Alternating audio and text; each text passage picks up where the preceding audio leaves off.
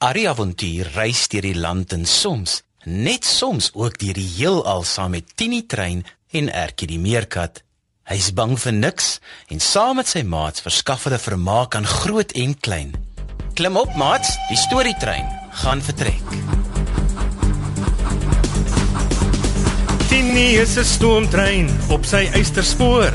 Arrie is sy passasier, hy soek avontuur. Die Bybel is hul kompas, dit hou hul op die spoor. Van alles wat met jou gebeur, kan jy by hulle hoor. Ertjie is 'n maatjie, 'n meerkat van die veld. Karosie is 'n stoute aap, hy doen gewone kwaad. Ertjie en Karosie en Arrie ook daarbey is almal net so spesiaal, so spesiaal soos jy. Kom nou maat skuif nader, luister bietjie daar. Is dit dalk die Tini trein wat ek daar gewaar?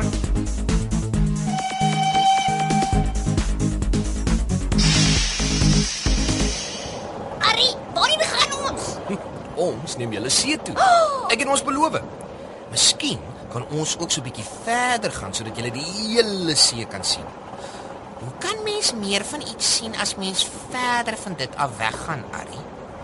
Wag net, julle sal sien. Dit lyk al klaar so anders as waar ons woon. Kyk, Karosie, kyk by Tini se venster uit. Oh, kyk hoe groot is die berge hier. Arrie, i- is daar berge onder die see ook? Ag, Karosie, moenie sulke simpel vrae vra nie. Hoe kan daar nou berge onder die see wees? Dis net 'n klomp water. Elke roelsie, dis eintlik 'n baie goeie vraag. Wee. Dankie, Arrie. Daar is berge onder die see. Hulle lê weggesteek in baie diep oseane.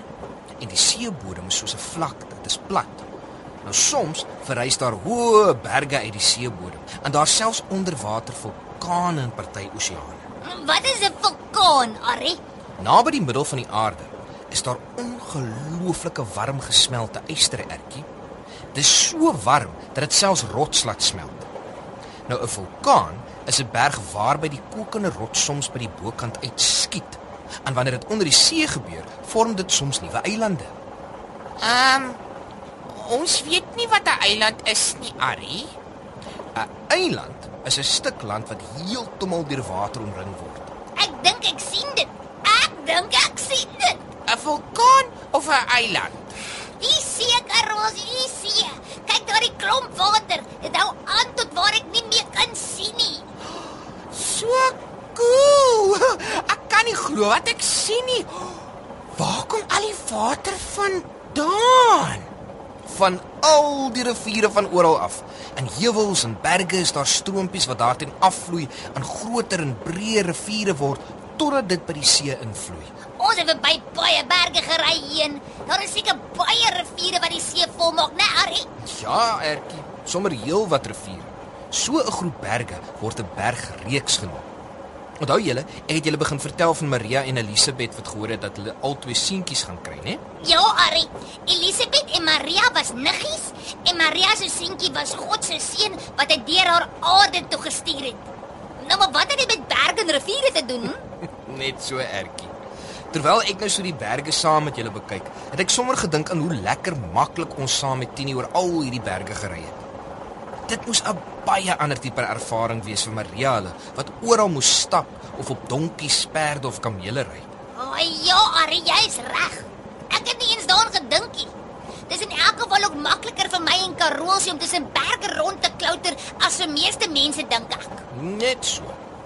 In die tyd nadat Josef en Maria getroud is, het die Romeinse keiser van daardie tyd, Augustus, besluit dat die mense oral in sy ryk getel moet word. Daarom moes die mense na die naaste van 'n lys dorpe gaan om hulself te laat tel. Mm, moes Josef en Maria baie ver gaan, Arrie. Ja, Ertjie. Josef en Maria was albei afstammelinge van koning Dawid. En omdat Dawid van Bethlehem was, moes hulle na Bethlehem toe gaan om getel te word. Bethlehem was ten minste 'n week se stap deur baie bergagtige terrein. Boonop was Maria al naby aan die tyd om geboorte te skenk aan baba Jesus. Nou is hy die hele eindpad gestap. Josef het gestap. Sy het daarom op hulle pakdonkie gery. Dit het seker so 'n bietjie gehelp. Ekskuus tog, Raaf. Uh, eh, sal ek vir Tini sê om bietjie te stop? Dan kan ons sommer 'n piknik op die strand uitpak. O, ja, ja, dis 'n gawe plan onkoos. Baie dankie. Jippie, 'n piknik. Ek is al 'n bietjie moeg gery ook en ek wil graag ryk hoe dit by die see ryk en hoe die sand voel. Ek sou baie moeër gewees het as ons gestap het. Josef en Maria was seker baie moeg, né, Harry? Ek is seker hulle was baie moeg, ja, Ertjie. So jy kan dink hoe hulle moes gevoel het toe daar al so baie mense aangekom het om ook getel te word. Dat hulle nie meer kon plek kry om te bly of te slaap of te eet nie. O, Harry, wat het van die baba? Wat het hulle gedoen? Die enigste plek wat hulle kon kry was 'n stal. Maar Ari, is 'n stal nie die soort huis op 'n boer se plaas waarin die boer se diere slaap nie? Net so Karel. Sy kyk nou vir jou. dit is waar hulle moes bly, in dieselfde plek waar die diere geslaap het. En dit is ook waar Maria se seentjie baba Jesus toe gebore is.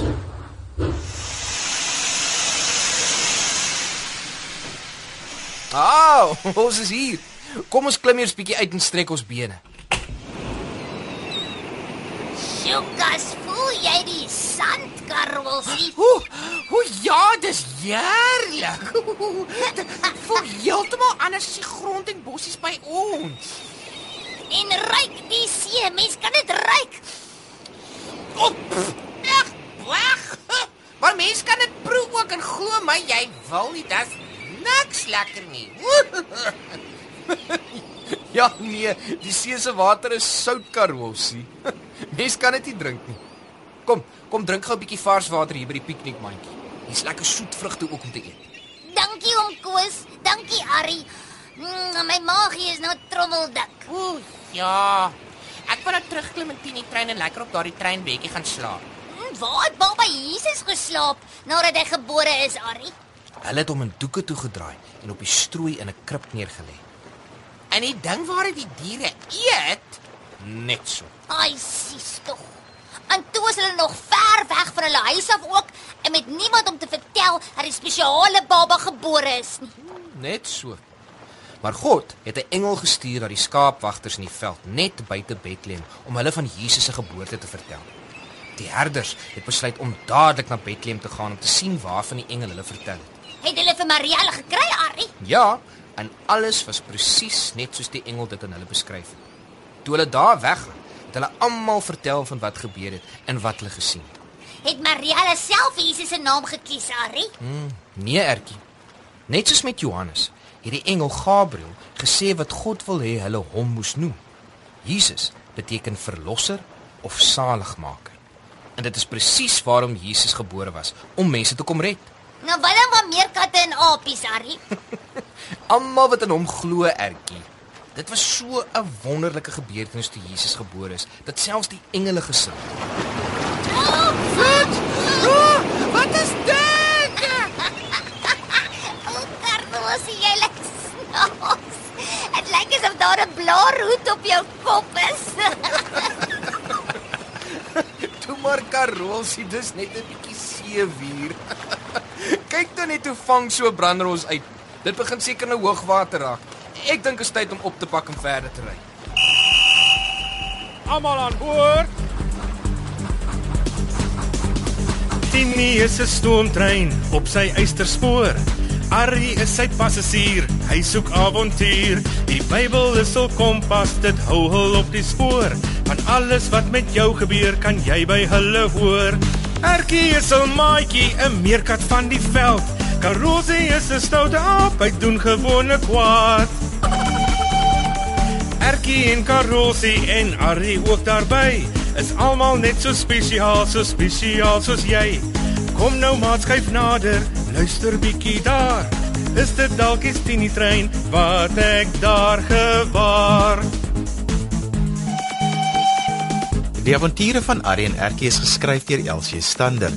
Dit word opgevoer onder spelleiding van Lazelle de Bruin, tegnies versorg deur Neil Roo en vervaar deur Worldwide Media.